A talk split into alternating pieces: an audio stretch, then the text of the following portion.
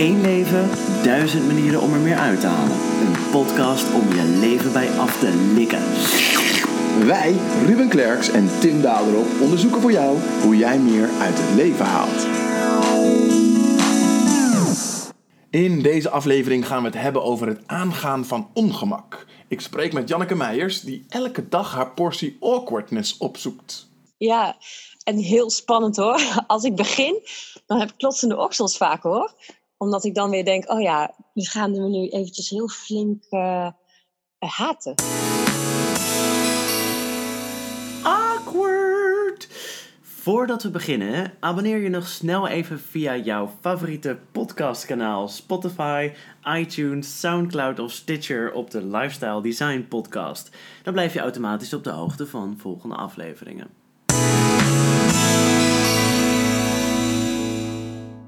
Ongemak dus. Waarom we dat ongemak onbewust uit de weg gaan en waarom je ongemak juist zou moeten aangaan. Vond jij dit een pijnlijke stilte? Uh, nee, niet pijnlijk voor mezelf. Uh, wel misschien voor onze luisteraars. Dat ik denk van, oh, straks haak ze misschien af, want uh, er, is iets, er is iets mis met deze aflevering. Ehm, ja, wanneer, wanneer voel jij je eigenlijk op je ongemakkelijkst? Nou, ik, ik, voel me wel vaak uh, een soort van te verantwoordelijk voor de sfeer, denk ik. En dat als ik dan merk dat ik ongemakkelijk ben, of maar vooral ook wanneer iemand anders ongemakkelijk is, zelfs als ik daar eigenlijk zelf niet zo heel veel mee te maken heb, dus als dat zich vooral afspeelt tussen twee andere mensen, dan ga ik me daar te verantwoordelijk voor voelen. En dan ga ik van alles proberen om de boel wat op te schwongen. En ja, soms helpt dat. Dan, dan, uh, dan is dat precies de sociale lijm die op dat moment nodig is. Maar soms dan, ja, dan maakt dat het alleen maar erger natuurlijk. Omdat zij dat dan ook wel oppikken. Ja. Dat, waardoor, zij, uh, ja, waardoor er een beetje te veel druk op de sfeer komt te staan, zeg maar. Ja, dat, dat, is, dat is wel ongemakkelijk. Voor de rest voel ik me niet snel verlegen of ongemakkelijk. Maar dit zijn wel de momentjes dat ik, uh, dat ik uh, wel een beetje uh, ja, awkward ben. Ja, nou niet awkward bent. Toch? Hm? Niet dat je awkward bent op dat moment. Dan voelt je toch awkward. Ja, dan, voel ik me awkward, ja. ja. Jezus, wat ongemakkelijk dit zeg. En jij? ik, ik ben heel awkward. Nee, um, nee um, ja, het meest ongemakkelijk voel ik me als ik ergens ben met mensen uh, waar ik eigenlijk niet bij wil zijn. Uh, ja, dus dan, dan, dat zijn van die momenten dat ik ja, eigenlijk had ik wel iets beters te doen. En dan gaat het gesprek ook zo langzaam of zo. En maar dan vind ik het ongemakkelijk om dat dan te zeggen of daarbij weg te lopen. Dan, dan vind ik het netjes om ik ben daar toch al, dus dan moet ik ook netjes dat uitzitten of zo. En dat, dat kan ik echt ongemakkelijk vinden. Ja, en Janneke Meijers legt dus eigenlijk uit uh, dat het belangrijk is om dat ongemak aan te gaan. Ah, dus juist wel omgaan met mensen waar je eigenlijk niet bij wil zijn, in jouw geval. Dus voor jou zou dan een goede oefening zijn dat je dan iemand opbelt en zegt: hey, zullen we vanavond wat leuks gaan doen? Ik moet namelijk gaan oefenen met, uh, met ongemakkelijk zijn met mensen. Met, met bij mensen zijn waar ik eigenlijk helemaal geen zin in heb. Ja, dat zou ik dan niet tegen ze zeggen, natuurlijk. Ja, dat zou heel ongemakkelijk zijn. Dat zou ook ongemakkelijk En dat kun je dan aangaan. Plus, dank, dank je wel, Tim, voor deze tip. Iedereen die, al mijn vrienden die luisteren naar deze podcast, die dan komende week door mij worden opgebeld, denk het ja. nu dat ik me ongemakkelijk bij hun voel. Dat ik daarom bel. Dat is dan wel heel ongemakkelijk. Maar dat kun je dan aangaan en ja. zo kun je oefenen. Dat is toch ja. het hele punt? Ja, dat denk, dat denk ik wel, ja. Ja, ja. ja. misschien um, als iets ongemakkelijk aanvoelt, zou je het kunnen benoemen. Zoals wij nu steeds doen. Ja, ja, dat, ik denk ook wel dat dat werkt. Uh, wat ik heb gemerkt, ik ken Janneke bijvoorbeeld al langer, uh, dat is precies wat zij doet. Dus uh, ze zegt heel vaak de, dingen van net dat ze iets als ongemak ervaart. Bijvoorbeeld, ja, voordat we dit interview ingingen, zei ze tegen mij iets van: Ja, ik, ik merk. Ik heb, ik heb het idee dat je het niet zo interessant vindt wat ik zeg, want je reageert best wel ongeïnteresseerd met zo'n standaard reactie van hm, cool, leuk, maar maar, maar ik voel hem niet echt. Ja, en zij is op dat moment van haar ongemak af. En vervolgens zit ik met een ongemakkelijke situatie. En, en maar, maar Maar als ik, als ik het omdraai, is dat denk ik ook wel de manier die ik zelf gebruik om van mijn ongemak af te komen. Dus als ik echt in ongemakkelijke situaties zit, ga ik me ook meestal op anderen richten. Dan ga ik hen vragen stellen. Of, uh, op het moment dat iemand anders aan het praten is, is het eigenlijk makkelijker om het ongemak door te komen dan dat je zelf iets moet ophouden. Of ik ga even plassen. Gewoon even weg. Oh ja. Ja, dat doe ik ook wel eens. Wat is eigenlijk het meest ongemakkelijke wat jij ooit hebt meegemaakt?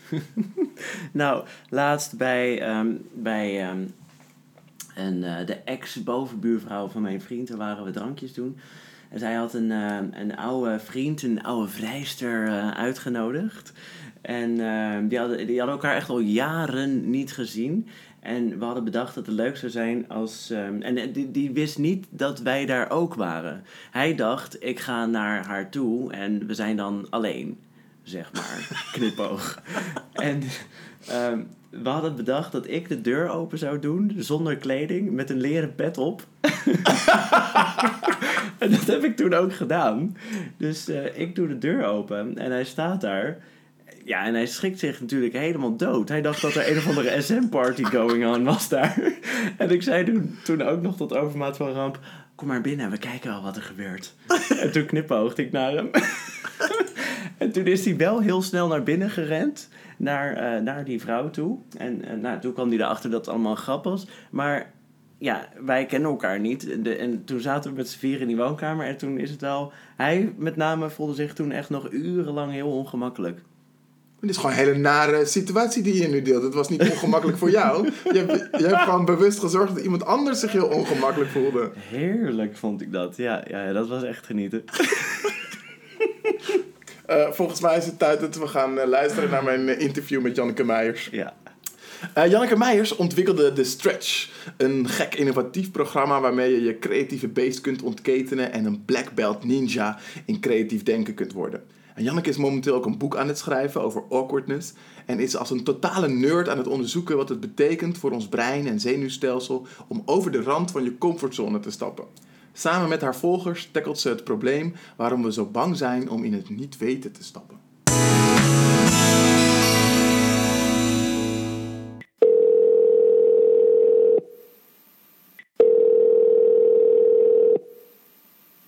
Hey Ruben, hey, wat leuk dat je belt. Hey Janneke, wat is het grootste ongemak dat jij de laatste tijd hebt ervaren? Ik zit hier uh, in een best wel frisse jurt. Het is een ronde Mongoolse tent met een vuurtje in het midden. En het was vanochtend zeer fris. Dus ik heb eerst uh, op mijn blote voeten uh, naar buiten gelopen en wat hout gehakt voordat ik het hier lekker aangenaam kreeg. Dus dat was best wel ongemakkelijk. Wauw, en dat, dus dat, het ongemak zat hem in dat je op je blote voeten door dat natte gras moest? Of? Of, uh, het ongemak in dat ik eigenlijk heel graag lekker warm had en een uh, gewoon een ontbijtje en dan meteen door uh, werkdingen gaan doen. En dit was een vertraging van ongeveer een uur voordat ik zoiets had van nou is het wel lekker, ik ga lekker beginnen. Ah, en jij gaat ook dikwijls bewust dat ongemak aan, toch? Ja, maar ik vond het geweldig om te doen vanochtend. Ik vond het heerlijk. Ik was, het was ongemakkelijk, maar ook uh, het was zo woest om en natuur. En ik dacht, uh, oeh, ik leef. Ja, ik uh, merk echt dat als elke keer mijn vertrekpunt is op een andere plek. Ik ben niet iemand met een hypotheek en een fijn thuisje. Ik pas al jaren op huizen. En dat is momenteel vaak in een jurt. En wat me opbrengt is dat ik in de natuur leef en dat ik heel veel dingen die vanzelfsprekend zijn, zoals warm water, uh, of gewoon verwarming niet heb. En dat maakt me echt, uh, een, echt een heel dankbaar mens als ik bij iemand ben waar je gewoon heerlijk lekker je handen kan wassen of afwas kan doen. Ja, dat geloof ik wel. Dan ga je die dingen ook weer waarderen. Ja. ja. Hey, wij kennen elkaar al langer en we werken ook samen. En daardoor weet ik ook uh, dat jij geen bullshitter bent. Zo'n trainer, weet je wel, die, die roept dat je moet veranderen, maar zelf altijd alles hetzelfde doet. jij leeft deze filosofie echt, hè? Waarom is het voor jou zo belangrijk om die awkwardness op te zoeken? Wat, wat brengt het verder nog? Ik uh, ben sowieso altijd snel uh, radicaler geweest in dat ik dingen echt wil ervaren en dat ik zo ook leer. En ik merkte dat ik, dat ik niet wilde bluffen, maar dat ik echt het wilde leven. Dus, en toen dacht ik, ja, als ik het echt wil leven, dan moet ik ook ja, cut dan moet ik het ook echt zo gaan ervaren. En ik ben daar een beetje aan verslaafd geraakt, merkte ik. Dat het oncomfortabele is steeds comfortabeler gaan worden. Waardoor ik me nu zelfs afvraag, is het voor mij niet super oncomfortabel om gewoon lekker een beetje te gaan bankhangen? Ah, oh, dus dan kom je eigenlijk in een soort van mind twist. Dan moet je nu comfortabel, oncomfortabel gaan wezen. Uh, ja, soms verlang ik daar wel weer naar. Uh, van hoe kan ik dan eigenlijk de, de saaiheid vieren? Uh, maar ik denk dat het voor mijn talks en mijn trainingen nog steeds interessant is om mensen een aanreiking te geven van hoe kan ik nou wel naar die oncomfortabelheid toe bewegen? En waarom heeft dat zo'n positief effect op mijn brein? Ja, en zeg je dan ook eigenlijk niet onbewust dat misschien die saaiheid jouw oncomfortabelheid is? Ik heb er wel uh, altijd een oordeel naar gehad van, oh, iets saai, dat wil ik niet zijn. Omdat ik me vroeger uh, uh, ja, toch wel een beetje een grijze muis voelde. En een beetje onzeker. Ik echt hele super dikke, vette angsten kon, om sociale dingen aan te gaan gehad. En ja, dat, dat is op een gegeven moment gewoon omgeslagen in ik ga het helemaal aan, vol met gestrekte benen. Maar ik begrijp nog wel heel goed waarom mensen dat zo spannend vinden. Ja, en waarom, waarom, waarom is dat denk je, dat ze dat spannend vinden? Het is een manier om te overleven. Het is uh, ons uh, gegund om uh, dat allemaal weg te gummen. en om een heel comfortabel leven te leiden. En daardoor zijn we ook veel ouder geworden. En daardoor kunnen wij als ras bloeien, zal ik het zo zeggen. Want je gaat natuurlijk wel snel dood als je alleen maar oncomfortabelheid hebt. Je moet natuurlijk eigenlijk gewoon zorgen dat je een routine hebt en dat je weet, oké, dit is veilig, dus dit is goed voor mij om te leven. Uh, dus het zit in onze, in onze evolutie en in onze natuur om die comfortabelheid te vieren. Uh, maar wij zijn natuurlijk wel onze ne Nederlanders. Wij zijn Nederlanders en wij zijn wel degene die de hele wereld over hebben gezeild. Dus we zijn ook wel ergens diep van binnen op zoek naar... Ben ik niet eigenlijk gewoon een avonturier? Ben ik niet eigenlijk meer dan dat ik nu ben. Zit er niet veel meer in. Ik kan veel meer. Mijn creativiteit komt er niet helemaal uit. Ik kom niet helemaal tot mijn recht. Er zit altijd zo'n klein zeurend dingetje bij bijna iedereen die ik train.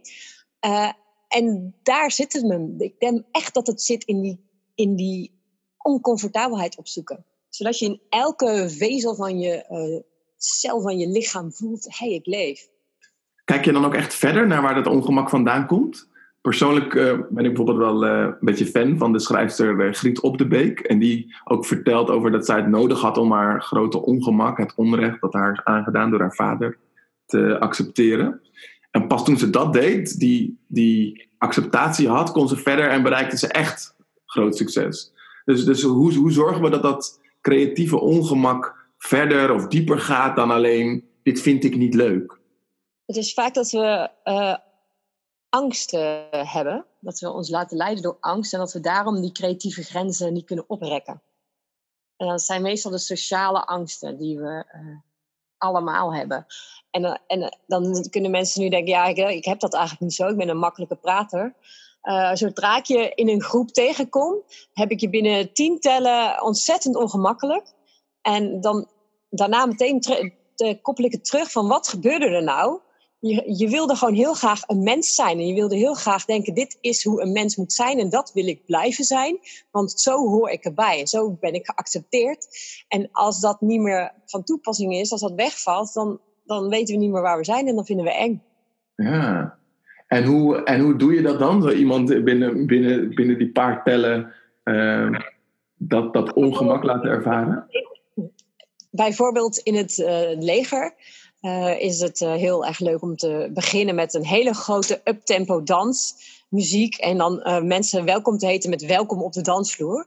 Nou, dan gaat echt iedereen in de weerstand. Dat is echt heerlijk om te zien. En dan begin ik ook een beetje zo te bewegen en dan denken ze nee, dit, dit niet.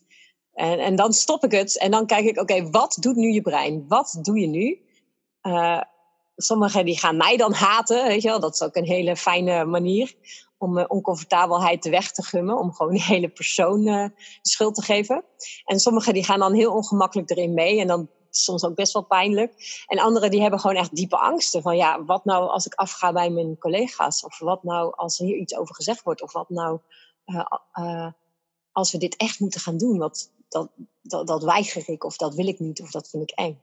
Iedereen is uiteindelijk op het einde, als we klaar zijn met deze hele sessie, zet ik nog een keer die muziek aan en er is, iedereen gaat dan bewegen. Dat is zo mooi om te zien. Dat dan hebben we namelijk geleerd uh, dat, dat die gekte eigenlijk uh, de mooie dingen in het leven laat zien. En dat, is het, dat het mens zijn veel meer is dan de keurigheid.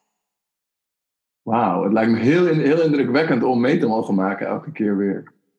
Ja, ja, en heel spannend hoor. Als ik begin, dan heb ik klotsende oksels vaak hoor.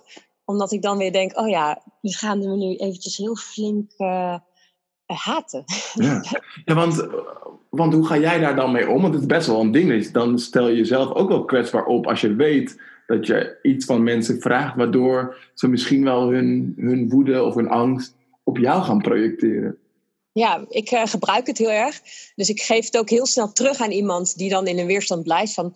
Oeh, ik vind het nu uh, super spannend om met jou te werken. En ik, ik durf nu eigenlijk mijn nieuwe creatieve ideeën al helemaal niet aan jou te vertellen. Omdat jij zo'n dominante houding hebt naar mij toe. Uh, waardoor ik me helemaal niet gezien voel. En, in, en dat is in een team niet anders. Dus ik kan me niet voorstellen dat dit de eerste keer is dat je dat doet. Dus kun je dat dan wel een keer terughalen. En wat gebeurt er dan? Dan kun je daar verantwoordelijkheid voor nemen. En wat is de impact van jouw gedrag op een hele groep? En zo ja, tackle ik het eigenlijk weer, zodat mensen kunnen gaan kijken: oh, oké, wat heeft mijn effect van mijn gedrag op anderen? En zo ook weer op mijn eigen creatieve proces. Mooi. En ook dapper vind ik ook. Want het is niet makkelijk om ook zo eerlijk te zijn tegen mensen. Dus dat is misschien ook wel een vorm van ongemak aan durven gaan. Dat je, dat je altijd eerlijk je gevoel deelt met iemand anders. Ja, ik vier echt die radicale eerlijkheid. Dat werkt als een trein. Want echt, je voelt gewoon wanneer het waar is. Je voelt het gewoon van binnen. Dus wat ik dan zeg, dat is dan zo vanuit mijn hart. En dat is niet om iemand aan te vallen. Dat is echt gewoon, dit is een spiegel. Je, je kan het uh, naast je neerleggen of je kan er iets mee doen. Het is een training, dus kies. En hoe reageren mensen daarop? Dan staan alle ogen aan. Dan weet iedereen, oké, dit is boeiend. Hier, het gaat hier ergens over. En dan gaan ze ook uh, heel nieuwsgierig op zoek naar uh, wat doe ik eigenlijk om dat ongemak te vermijden? En wat heb ik nodig? Welke stap heb ik nodig om me veilig te voelen om dat te gaan onderzoeken?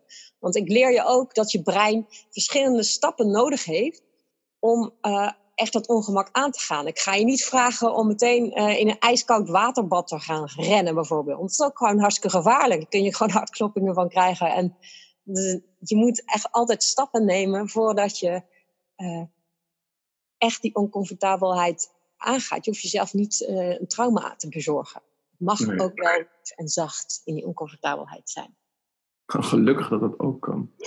ja. ja. Jij bent dus als een, uh, zoals je zelf zegt, als een nerd aan het onderzoeken wat uh, over de rand van onze comfortzone stappen doet met ons brein en zenuwstelsel. Wat zijn nou echt uh, bijzondere dingen die je al hebt ontdekt? dat er, er zijn verschillende pijlers in je leven, bijvoorbeeld wonen, liefde en werken. En voor mij, ik zie dat als een van die pijlers wankel is of er niet is, dat kan ik opvangen. Maar als er twee pijlers zijn die niet helder en duidelijk zijn, dan merk ik gewoon dat ik uh, niet kan slapen. Uh, dat ik uh, heel erg veel zorgen ga maken. En dat ik eigenlijk ja, niet zo gezond voel. En dat, ik, ja, dat het gewoon heel veel impact heeft op mezelf. Dus comfortabelheid is heel makkelijk te dragen als er een bepaalde pilaar wegvalt. Maar als er meerdere pilaren wegvallen, dan wordt het heel gevaarlijk en eng. En dan wil je lijf eigenlijk liefst je moeder. Ja, ja dus, dus er moet wel een soort van basis zijn. Heb je eigenlijk ook al wel eens je training gedaan in een omgeving waar gewoon sowieso al veel meer ongemak was? Waar misschien wel minder stevige pilaren stonden? Nou, ik uh, heb heel veel uh, jaren in het uh, MBO-onderwijs training gegeven. Oh, ik kan je aanraden, en ik weet dat jij daar ook heel veel ervaring in hebt kan je aanraden als je echt eerlijkheid wil, ga voor een groep MBO'ers staan. Dat is ook als ik mijn talks moet voorbereiden, dan vraag ik vaak aan een uh, vrienden docent: mag ik een keer bij jullie komen spreken? Ik word echt finaal afgemaakt of uitgelachen of uh, heel eerlijk uh, bekritiseerd. Daar daar is het niet veilig. Dat is gewoon echt rauwe eerlijkheid die je daar terugkrijgt. Of gewoon pure verveling als het niet boeiend genoeg is. Ja, wauw. Ja, wat, wat een goed idee ook. Oh, eh, wederom ook weer dapper. Maar dat, dat, dat, zouden we vaker moeten doen. Ja, maar dan, en dan heb je het eigenlijk over... Dus dan is de situatie voor jou niet veilig. Maar ik weet ook... Um, we, we komen ook vaak bij groepen... Als we het hebben over verandering. Die zitten al in een ontzettend onveilige situatie. Als je het hebt over dat die pijlers wonen, liefde en werk zijn... Nou, dan is vaak die pijler werk al heel erg onduidelijk omdat er een reorganisatie aan zit te komen. Ehm, eh, en als je even pech hebt, hebben die mensen misschien ook nog uh, een ongelukkig liefdesleven. Of gaat het met hun, uh, met hun huis of een hypotheek ook niet helemaal je van het. Hoe wordt er dan gereageerd op als je, als je zo gaat inzetten op dat aangaan van ongemak? Nou, wat ik vaak merk is dat uh, bedrijven graag met innovatie bezig zijn en met veranderprocessen bezig zijn. Omdat ze, ze weten dat daar, ze moeten daarin mee. Ze weten dat daar geld in te verdienen is. En als ze niet meegaan, dan dat ze er uiteindelijk uit liggen. Maar dat het bijna niet te doen is om ook echt die verandercultuur van binnenuit op te starten. Want de meeste mensen die echt heel creatief uh, veranderingen willen implementeren, zijn meestal de, de schil die daar buiten aan hangt. En dat zijn de mensen die bijna niet de mogelijkheid krijgen om echt de grote dingen te veranderen. En dat zijn de mensen die echt in de kern zitten van een organisatie. En de mensen van buitenaf zie je vaak dat die wegvallen omdat ze aan het solliciteren zijn naar andere toffe plekken. Of ze krijgen juist heel veel ongeluk, dus burn-out gevoelens, omdat ze gewoon niet hun ding kunnen doen. Ehm, en wat ik dan uh, vaak uh, doe, is uh, ik word dus ingehuurd door die manager om eigenlijk keihard te gaan onthutsen. En, en ik heb gewoon best wel een, een kleine rebelse meisje, een Pipi status. Waardoor ik uh, uh, in eerste instantie snel gezien word van, oh, weet je wel, ongeschuldig, dat mag wel even bij ons uh, naar binnen. En dan daarna ga ik echt heel radicaal kracht erin van, hey, dit doe jij. hey, dit zie ik. hey, dit doet het met mij. En eigenlijk ben ik dan die, die werk, werknemer die de hele tijd maar een muur krijgt. Of die de hele tijd niet kan bloeien. En ik geef eigenlijk een stem aan die onzekerheid en aan die ja, die muur van niet kunnen veranderen, omdat het gewoon hartstikke eng is om niet te kunnen uh, weten wat de uitkomst kan zijn. En dan, dan, dat werkt gewoon heel goed. Ik, ik kan alles maken, want ik heb gewoon niets te verliezen. Zo ja. Klinkt echt goed. Ik zou het al heel veel ondernemingen aanraden om, uh, om Janneke uh, een, als een frisse wind door het team te laten gaan. En, maar ik hoor ook tegelijkertijd dat, dat, het, dat, dat je ook als een soort van tool bijna in wordt gezet door zo'n manager of door een directie. Zie je dat? Ja, wat een manager vaak doet, is uh, uh, die zet me dan in en dan gaat hij zelf niet meedoen in het uh, proces. En dan zeg ik wel, ja, dan weiger ik dit te doen. Want ik wil echt dat je volle bak meedoet en niet als een soort van outsider. Zo van, kijk, dit zijn mijn werkgevers, die hebben dat echt nodig, ik gun dat hun. nee, echt met de billen bloot en hup, meedoen. En dat is voor, uh, ja, dat werkt gewoon het beste. Dat is eigenlijk de manier waarop, waarop het kan werken. Ongemak aangaan is uh, niet leuk natuurlijk. Heb je een tip voor de luisteraars hoe ze makkelijker of beter hun ongemak aan kunnen gaan? Ja. Um, ga, ga, het, ga het klein zoeken. Ongemak zit in hele kleine dingetjes. Um, schrijf bijvoorbeeld vijf um, post-it vol met dingen die je eigenlijk normaal niet doet. En dat kan niet zo klein zijn, bijvoorbeeld een hele dag koken uh, of een week koken op één pit. Of uh, een dag de auto niet pakken. Of uh, je, je kind van drie de volledige regie geven over wat hij aandoet. Dat is ook super ongemakkelijk als je die dan naar school moet brengen met vreselijke combi aan. En dan heb je dus vijf dingen opgeschreven. En dan moet je gewoon even gaan kijken naar die woorden die je hebt opgeschreven en waar word je nou het meest uh, oncomfortabel van? Waar denk je, hé, hey, hier zit iets, of ik moet hier om lachen, of hé, hey, dit is wel, dit zou ik echt gênant vinden. Nou, pak je die eruit en ga je die doen. En dan gaat het uh, eigenlijk om dat je dat vaker gaat doen en dan dat je niet het alleen maar gaat ervaren, want dan krijg je alleen maar meer schaamte misschien. Maar dat je vooral buiten jezelf gaat kijken, oké, wat doe ik nu? Wat heeft dit voor effect op mij? En waarom vind ik dit zo belangrijk? Waarom vind ik het zo belangrijk om zo over te komen als een heel goed uh, gelukt mens? Ja. En waarom is die rarigheid, waarom is dat randje zo spannend om op te zoeken? Volgens mij kunnen we hier direct mee aan de gang. En eh, ja, ik zit eigenlijk zelfs ook te denken van wanneer, eh, wanneer gaan we een challenge ontwikkelen om dat gewoon bij wijze van spreken een maand lang elke dag te doen. Dat lijkt me heel gaaf. Ja, ehm, ja ik, ik merk ehm, zodra het echt een, een challenge wordt, dan. eh, het is net zoals met sporten, ik moet sporten, dan, eh, dan wordt het een, iets, iets van een eh, dagtaak of zo. Terwijl ik wil heel graag dat je het verweven, dat je het gaat verweven in je leven. Eh, het is namelijk zo dat je kiest heel snel een patroon. Je kiest heel snel hoe je opstaat. Je kiest altijd één kant van bed en daar sta ik op en dan doe ik die beroepspijp als eerste aan. En dat, als je daar al een klein veranderingje in hebt, dan heb je eigenlijk al de hele wereld op zijn kop gezet in je hele zenuwstelsel. Dat je dat ene kleine veranderingetje toepast met jezelf. Dus Ik hoor nu, eh, ik hoor nu toch ook een beetje jouw, jouw ongemak weer terug. Dat, dat, als we het hebben over dat, dat er een soort van verplichting in zit, of dat het een terugkerend ding is. Nee, dat, dat, dat, dat gaat te ver. Ah, mooi. Ehm, ja, ik zie jou eigenlijk bijna al een app ontwikkelen. En eh, dat lijkt me ook wel gaaf trouwens om daar zo over te kletsen. Ehm, ja, wa- wat ik, het, wat ik daarmee wil zeggen is... eh, kies, eh, kies gewoon hele kleine dingetjes uit voor je brein. Kleine stapjes om iets even heel anders te doen. En dan kun je de hele dag nog steeds in je routine zitten... omdat je de kinderen naar school moet brengen... omdat je huishouden voor elkaar moet hebben... of omdat je je baas... eh, eh, een, een opdracht moet afleveren omdat er een deadline ligt. Dan heb je in ieder geval dat vertrekpunt al van hé, hey, er is al iets geshift. Zijn er nog andere dingen die jij nog kwijt wil voordat we weer gaan ophangen?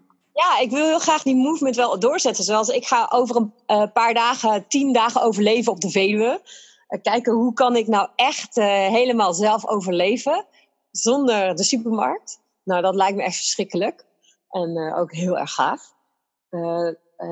En of, of ik daag je uit om mee te doen met bijvoorbeeld een jaar lang geen kleding kopen. Of mee gaan zwemmen. Ik ga elke dag al zwemmen, zelfs toen het heel koud was. In het eh, koude water buiten. Ik zou zeggen, kom een keer met me mee en ga gewoon lekker eh, eh, mee in die, in die wereld van het ongemak. Gaaf. Hey, waar, kunnen, waar kunnen mensen zich inschrijven of contact met jou opnemen? Via LinkedIn.